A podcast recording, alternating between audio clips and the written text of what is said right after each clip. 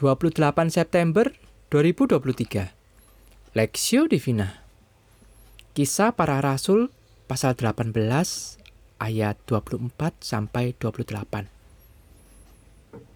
Sementara itu datanglah ke Efesus seorang Yahudi bernama Apolos yang berasal dari Alexandria. Ia seorang yang fasih berbicara dan sangat mahir dalam soal-soal kitab suci ia telah menerima pengajar, pengajaran dalam jalan Tuhan. Dengan bersemangat ia berbicara dan dengan teliti ia mengajar tentang Yesus. Tetapi ia hanya mengetahui baptisan Yohanes. Ia mulai mengajar dengan berani di rumah ibadat. Tetapi setelah Priscilla dan Aquila mendengarnya, mereka membawa dia ke rumah mereka dan dengan teliti menjelaskan kepadanya jalan Allah.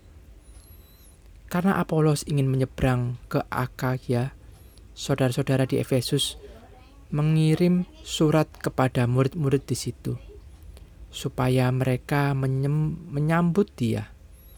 Setibanya di Akaya, maka ia oleh kasih karunia Allah menjadi seorang yang sangat berguna bagi orang-orang yang percaya. Sebab dengan tak jemu-jemu ia membantah orang-orang Yahudi di muka umum dan membuktikan dari kitab suci bahwa Yesus adalah Mesias. Apolos yang penuh semangat perspektif. Karena Apolos ingin menyeberang ke Akaya, saudara-saudara di Efesus mengirim surat supaya mereka menyambut dia. Setibanya di Akaya, maka ia oleh karena oleh kasih karunia Allah menjadi seorang yang sangat berguna bagi orang-orang yang percaya. Pasal 18 ayat 27. Semangat dalam melayani adalah baik dan kita merindukan pribadi-pribadi seperti itu ada di dalam gereja. Namun semangat saja tidak cukup. Karena jika semangat itu tidak disertai dengan pemahaman yang benar, maka bisa kurang lengkap atau malah salah. Apolos adalah seorang pelayan Tuhan yang penuh semangat, sangat berguna bagi orang-orang yang percaya dan dimampukan kasih karunia Allah. Apolos adalah seorang yang terpelajar, seorang Yahudi yang berasal dari Alexandria, sebuah kota yang dipercaya sebagai gudang ilmu pengetahuan. Tak heran Apolos sangat fasih berbicara dan menguasai hal-hal tentang kitab suci. Ia juga telah menerima pengajaran dalam jalan Tuhan namun pemahamannya tentang Yesus belum lengkap. Oleh karena itu, ketika Priscilla dan Aquila mendengarkan ajarannya, mereka kembali menjelaskan tentang jalan Allah secara pribadi kepada Apolos. Dalam kasih karunia Allah, Apolos menjadi pelayan yang berguna bagi orang-orang percaya, terutama berkaitan pembelaan iman dalam Tuhan Yesus. Apakah yang bisa kita pelajari?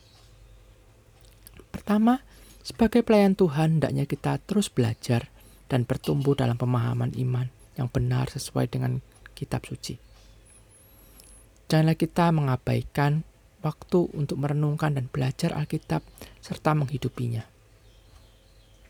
Per kedua, sama seperti, seperti Priscilla dan Aquila yang membimbing Apolos, maka bersediakah kita menjadi pembimbing bagi rekan sepelayan kita? Supaya bertumbuh bersama dalam iman dan pemahaman akan firman Tuhan. Jangan pernah menganggap mereka sebagai pesaing, tetapi rekan yang berguna dalam pelayanan bagi Tuhan. Ketiga, sebagai pelayan Tuhan, bergantunglah kepada kasih karunia Allah yang memampukan dan memakai segala karunia kita untuk melayani gerejanya. Janganlah kita menjadi sombong karena merasa memiliki kelebihan dibandingkan rekan yang lain. Namun hendaknya kita bersama-sama bersandar kepada kasih karunia Allah sehingga Allah lah yang berkarya melalui kita untuk memberkati mereka yang kita layani. Studi pribadi apa yang Anda pelajari dari firman Tuhan hari ini, khususnya dalam hal relasi dengan rekan sepelayanan? Pokok doa, berdoalah agar Tuhan mengaruniakan kesatuan hati bagi Anda dan rekan-rekan sepelayanan walau di tengah perbedaan yang ada.